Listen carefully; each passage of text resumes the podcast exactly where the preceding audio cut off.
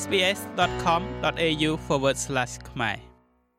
នៅប្រទេសអូស្ត្រាលីសកម្មភាពផ្លូវភេទដែលមិនមានការព្រមព្រៀងគ្នា គឺជាបទល្មើសឧក្រិដ្ឋមិនថាវាកើតឡើងនៅក្នុងជីវិតពិតឬតាមអនឡាញឡើយនៅក្នុងរដ្ឋនិងដែនដីមួយចំនួនជនល្មើសដែលត្រូវបានចោទប្រកាន់ពីបទរំលោភផ្លូវភេទត្រូវតែបញ្ជាក់នៅក្នុងតុលាការថាពួកគេបានទទួលការយល់ព្រមមុនពេលចូលរួមនៅក្នុងសកម្មភាពផ្លូវភេទ តើអ្នកអាចធានាថាអ្នករួមភេទដោយការយល់ព្រមបានដោយរបៀបណាយោងទៅតាមសេវាកម្មប្រឹក្សាអំពីអំពើហិង្សាក្នុងគ្រួសារនិងផ្លូវភេទថ្នាក់ជាតិរបស់ប្រទេសអូស្ត្រាលី ដែលត្រូវបានគេស្គាល់ជាទូទៅថាជាខ្សែជំនួយទូរស័ព្ទ1800 respect នោះពាក្យថាអំពើហិង្សាផ្លូវភេទអាចត្រូវបានគេប្រើដើម្បីពិពណ៌នាអំពីសកម្មភាពផ្លូវភេទណាមួយ ដែលធ្វើឲ្យអ្នកមានអារម្មណ៍ថាភ័យខ្លាចឬមិនស្រណុកចិត្តអំពើហិង្សាផ្លូវភេទរួមមានការបំពានផ្លូវភេទការចាប់រំលោភនិងការបៀតបៀនផ្លូវភេទ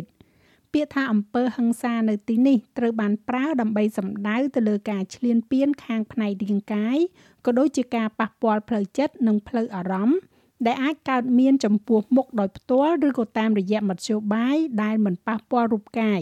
ដូចជាតាមអ៊ីនធឺណិតជាដើម តួលេខការិយាល័យស្ថិតិអូស្ត្រាលីហៅកាត់ថា ABS បង្ហាញថា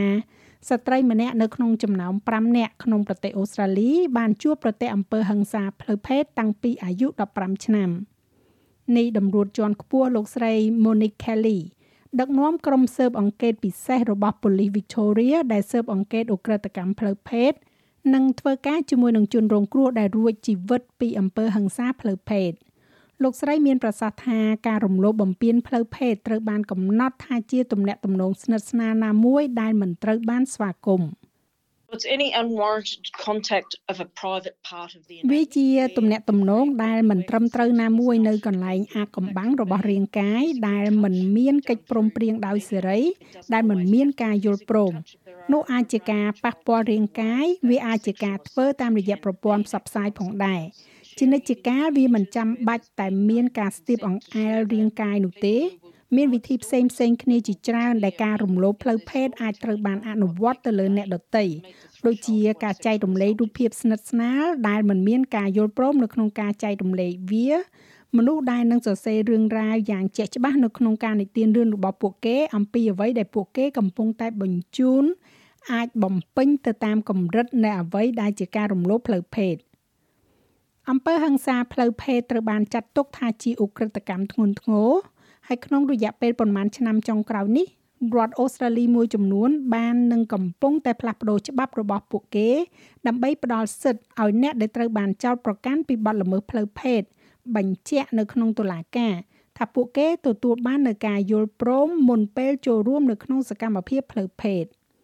អ្នកកសែតស៊ើបអង្កេត Jess Hill បានស្វែងរកការយល់ព្រមផ្លូវភេទនៅក្នុងភាពយន្តឯកសារ3ភាគគឺ Asking for it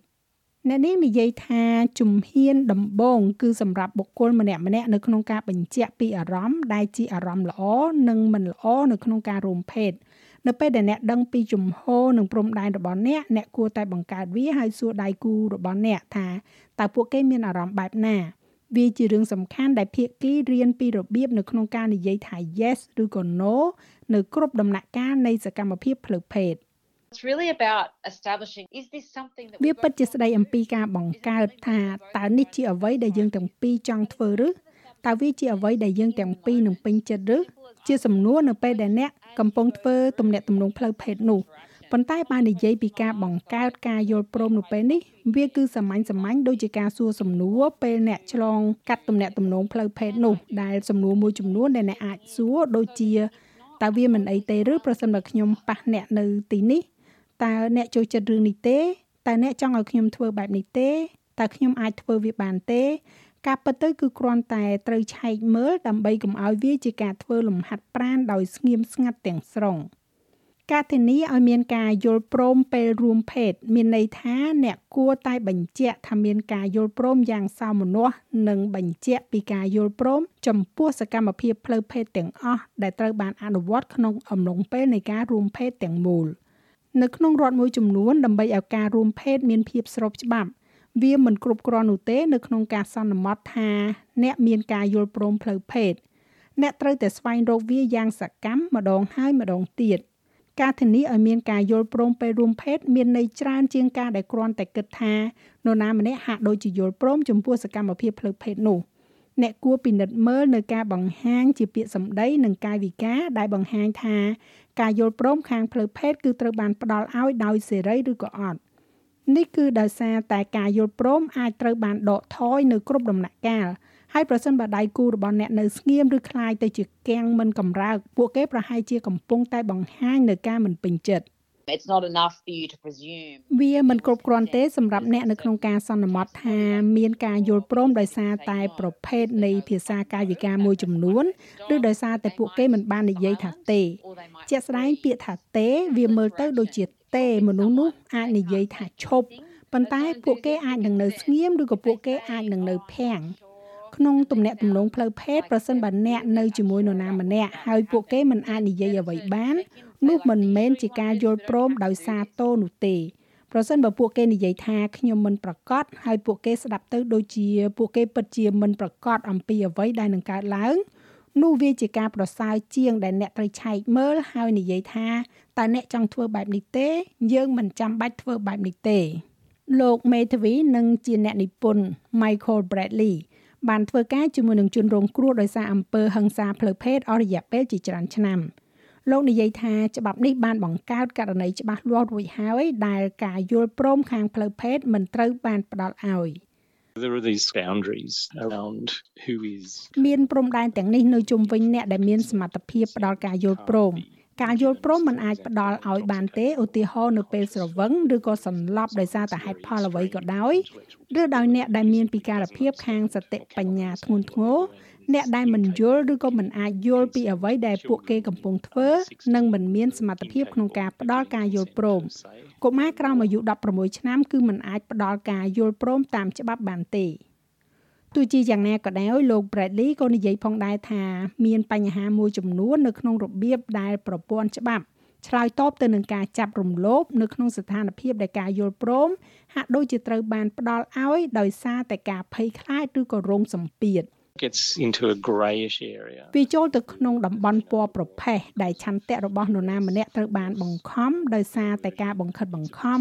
ការប្រើកម្លាំងឬក៏ការប្រើអំណាចគៀបសង្កត់ វាជាប្រធានបទដ៏មុតស្រួចជាពិសេសនៅក្នុងបរិបទនៃអំពើហិង្សាក្នុងគ្រួសារប្រសិនបើមនុស្សម្នាក់ស្ថិតក្នុងទំនាក់ទំនងដែលត្រូវបានគ្រប់គ្រងដោយបង្ខិតបង្ខំដែលរាប់បញ្ចូលទាំងការបង្ខិតបង្ខំផ្លូវភេទទោះបីជាពួកគេអាចនឹងមានការយល់ព្រមយ៉ាងសកម្មនៅក្នុងន័យជាក់ស្ដែងក៏ដោយប៉ុន្តែប្រសិនបើនោះពិតជាដោយសារតែពួកគេមិនជឿថាពួកគេមានជំរឿផ្សេងដែលសុវត្ថិភាពឬក៏ពួកគេពិតជាបានបាត់បង់សមត្ថភាពនៅក្នុងការអនុវត្តឆន្ទៈដោយសេរី នោះមានន័យថាគ្មានការយល់ព្រមទេទស្សនវិជ្ជានៃការស្វែងរកការផ្ដល់ឲ្យនិងបដិសេធការយល់ព្រមផ្លូវភេទបានคล้ายទៅជាធាតុចាំបាច់នៃកម្មវិធីសិក្សាថ្នាក់ជាតិរបស់ប្រទេសអូស្ត្រាលីចាប់ពីឆ្នាំ2023នេះការណែនាំនេះបានធ្វើឡើងជាការឆ្លើយតបទៅនឹងការរិះគន់ដោយនិយាយថាมันមានការផ្ដោតអារម្មណ៍គ្រប់គ្រាន់ទៅលើគំនិតសហសម័យនៃការរួមភេទនិងការទប់ស្កាត់ការរំលោភបំពានផ្លូវភេទនោះទេ កម្មវិធីសិក្សាថ្មីនេះមានគោលបំណងបង្រៀនពីការយល់ព្រមនិងទំនាក់ទំនងប្រកបដោយការគោរពនៅក្នុងលក្ខណៈសមស្របទៅតាមអាយុនិងគ្រប់ដណ្ដប់លើការបង្ខិតបង្ខំនិងអតលយភាពនៃអំណាចវាក៏បញ្ចូលទៅក្នុងគំរូ gender រួមទាំងភាពខុសគ្នានៃការរំពឹងទុកនៃវប្បធម៌ប្រពៃណីដែលដាក់លើបុរសនិងស្ត្រីលោក Richie Harcourt គឺជាអ្នកអប់រំនិងជាសកម្មជនដែលមានបទពិសោធន៍ជាច្រើនឆ្នាំ ដែលធ្វើការនៅក្នុងការទប់ស្កាត់អំពើហិង្សាក្នុងគ្រួសារនិងផ្លូវភេទលោកផ្ដល់ការអប់រំផ្លូវភេទនិងកម្មវិធីយល់ព្រមដល់សាលារៀនទូទាំងប្រទេសអូស្ត្រាលីនិងនូវែលសេឡង់លោកជឿថាភាពមិនស្របគ្នារវាងបទដ្ឋានវប្បធម៌ដែលបង្អាក់ការនិយាយដោយបើកចំហអំពីការរួមភេទ ដោយសារតែការហាម5និងការមាក់ងាយការផ្ដោតគោលដៅផ្លូវភេទរបស់ស្ត្រីនៅក្នុងការផ្សាយពាណិជ្ជកម្មខណៈពេលដែលកុមារកាន់តែច្រើនចូលទៅមើលរូបភាពអះអាភាសដែលច្បាស់លាស់និងជាញឹកញាប់មានលក្ខណៈហិង្សានៅលើអនឡាញ popular culture normalizes វប្បធម៌ដែលមានប្រជាប្រិយភាពធ្វើឲ្យការឈ្លានពានផ្លូវភេទនិងការត្រួតត្រាផ្លូវភេទមានលក្ខណៈធម្មតា ជារឿយៗនៅក្នុងលក្ខណៈមិនស៊ីមេទ្រីខាងផ្នែក gender ក្មេងប្រុសនិងបុរសតែងតែមានអំណាចទៅលើស្ត្រីនិងក្មេងស្រីស្ត្រីនិងកុមារីត្រូវបានរៀបចំឲ្យមានការយល់ព្រមដោយស្ងៀមស្ងាត់ខាងផ្លូវភេទដើម្បីមនុស្សប្រុស យើងពិតជាត្រូវធ្វើការងារឲ្យកាន់តែប្រសើរឡើងនៅក្នុងការនិយាយអំពីស្វ័យភាពផ្លូវភេទនិងភ្នាក់ងារផ្លូវភេទនិងការសប្បាយផ្លូវភេទទៅវិញទៅមកដោយនិយាយអំពីផ្នែកល្អល្អនៃការរួមភេទឲ្យបានច្រើនក៏ដូចជាជៀសវាងការនិយាយអំពីគ្រោះថ្នាក់របស់វាព្រោះថាការរួមភេទគឺជាបទពិសោធន៍ដ៏អស្ចារ្យរបស់មនុស្សហើយទោះជាយ៉ាងណា អ្នកនឹងធ្វើវាគ្មាននរណាម្នាក់គួរទទួលបាននូវការឈឺចាប់ផ្លូវកាយផ្លូវអារម្មណ៍ឬក៏ខាងសតិវិញ្ញាណនោះទេ ដោយសារតែការយល់ព្រមផ្លូវភេទគឺអាចដកថយបាន ហើយមានមនុស្សជាច្រើនចំនួនបានធំធាត់ឡើងដោយមិនមានទម្លាប់នៅក្នុងការសុំការយល់ព្រមពីការរួមភេទនៅអំឡុងពេលទំនាក់ទំនងផ្លូវភេទរបស់ពួកគេនេះមានន័យថាការរួមភេទជាច្រើនដោយអចេតនាអាចមិនមែនជាការព្រមព្រៀង។ let's give everyone the language that they need and then the social សូមផ្ដល់ឲ្យមនុស្សគ្រប់គ្នានៅភាសាដែលពួកគេត្រូវការហើយបន្ទាប់មកការធ្វើឲ្យសង្គមមានលក្ខណៈធម្មតានៃការសន្ទនាទាំងនេះ ខ្ញុំគិតថាវានឹងអាចបកក្រោយវិញបាន នៅគ្រោះថ្នាក់ជាច្រើន នៅពេលដែលយើងនិយាយអំពីការរំលោភយើងតែងតែគិតអំពីនរណាម្នាក់ដែលលោតចេញពីកំពៀតព្រៃមានកាន់កំបិតនិងអូសនរណាម្នាក់ចេញទៅហើយវាគួរឲ្យសោកស្ដាយដែលរឿងទាំងនោះបានកើតឡើងប៉ុន្តែអំពើហិង្សាផ្លូវភេទភាគច្រើនត្រូវបានប្រព្រឹត្តដោយនរណាម្នាក់ដែលស្គាល់ជនរងគ្រោះឬក៏ជួបនៅថ្ងៃណាត់ជួបឬសូម្បីតែនៅក្នុងទំនាក់ទំនងនោះជាការពិតនៃបញ្ហានេះដូច្នេះ តែយើងធ្វើដោយម្ដេចដើម្បីធានាថាមនុស្សម្នាមានបទពិសោធន៍ផ្លូវភេទដែលអហិង្សាដោយក្តីរីករាយនិងយល់ព្រមទៅវិញទៅមកសម្រាប់ Jess Hill ការរៀនពីរបៀបសុំការយល់ព្រមរួមភេទតាមវិធីដែលមានអារម្មណ៍ពីទំនាក់ទំនងធម្មជាតិពាក់ព័ន្ធទៅនឹងការលុបបំបាត់ភាពអៀនខ្មាស់តាមបែបវប្បធម៌ជំវិញការរួមភេទ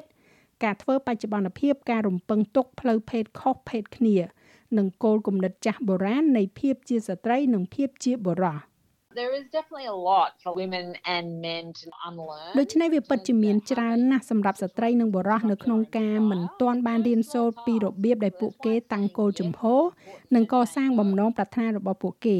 វាមិនមែនជាកិច្ចការតូចតាចនោះទេនោះហើយជាមូលហេតុដែលការនិយាយថា yes គឺសំខាន់ដូចគ្នានឹងការនិយាយថា no ដែរ ប្រសិនបើលោកអ្នកត្រូវការជំនួយផ្លូវចិត្តអាចតាក់ទងទៅខាង1800 respect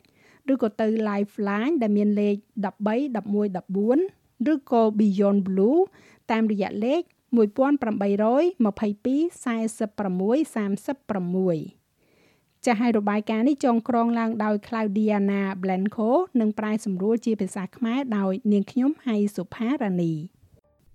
ចូលចិត្តអ្វីដែលអ្នកស្ដាប់នេះទេ Subscribe SBS ខ្មែរនៅលើ Podcast Player ដែលលោកអ្នកចូលចិត្ត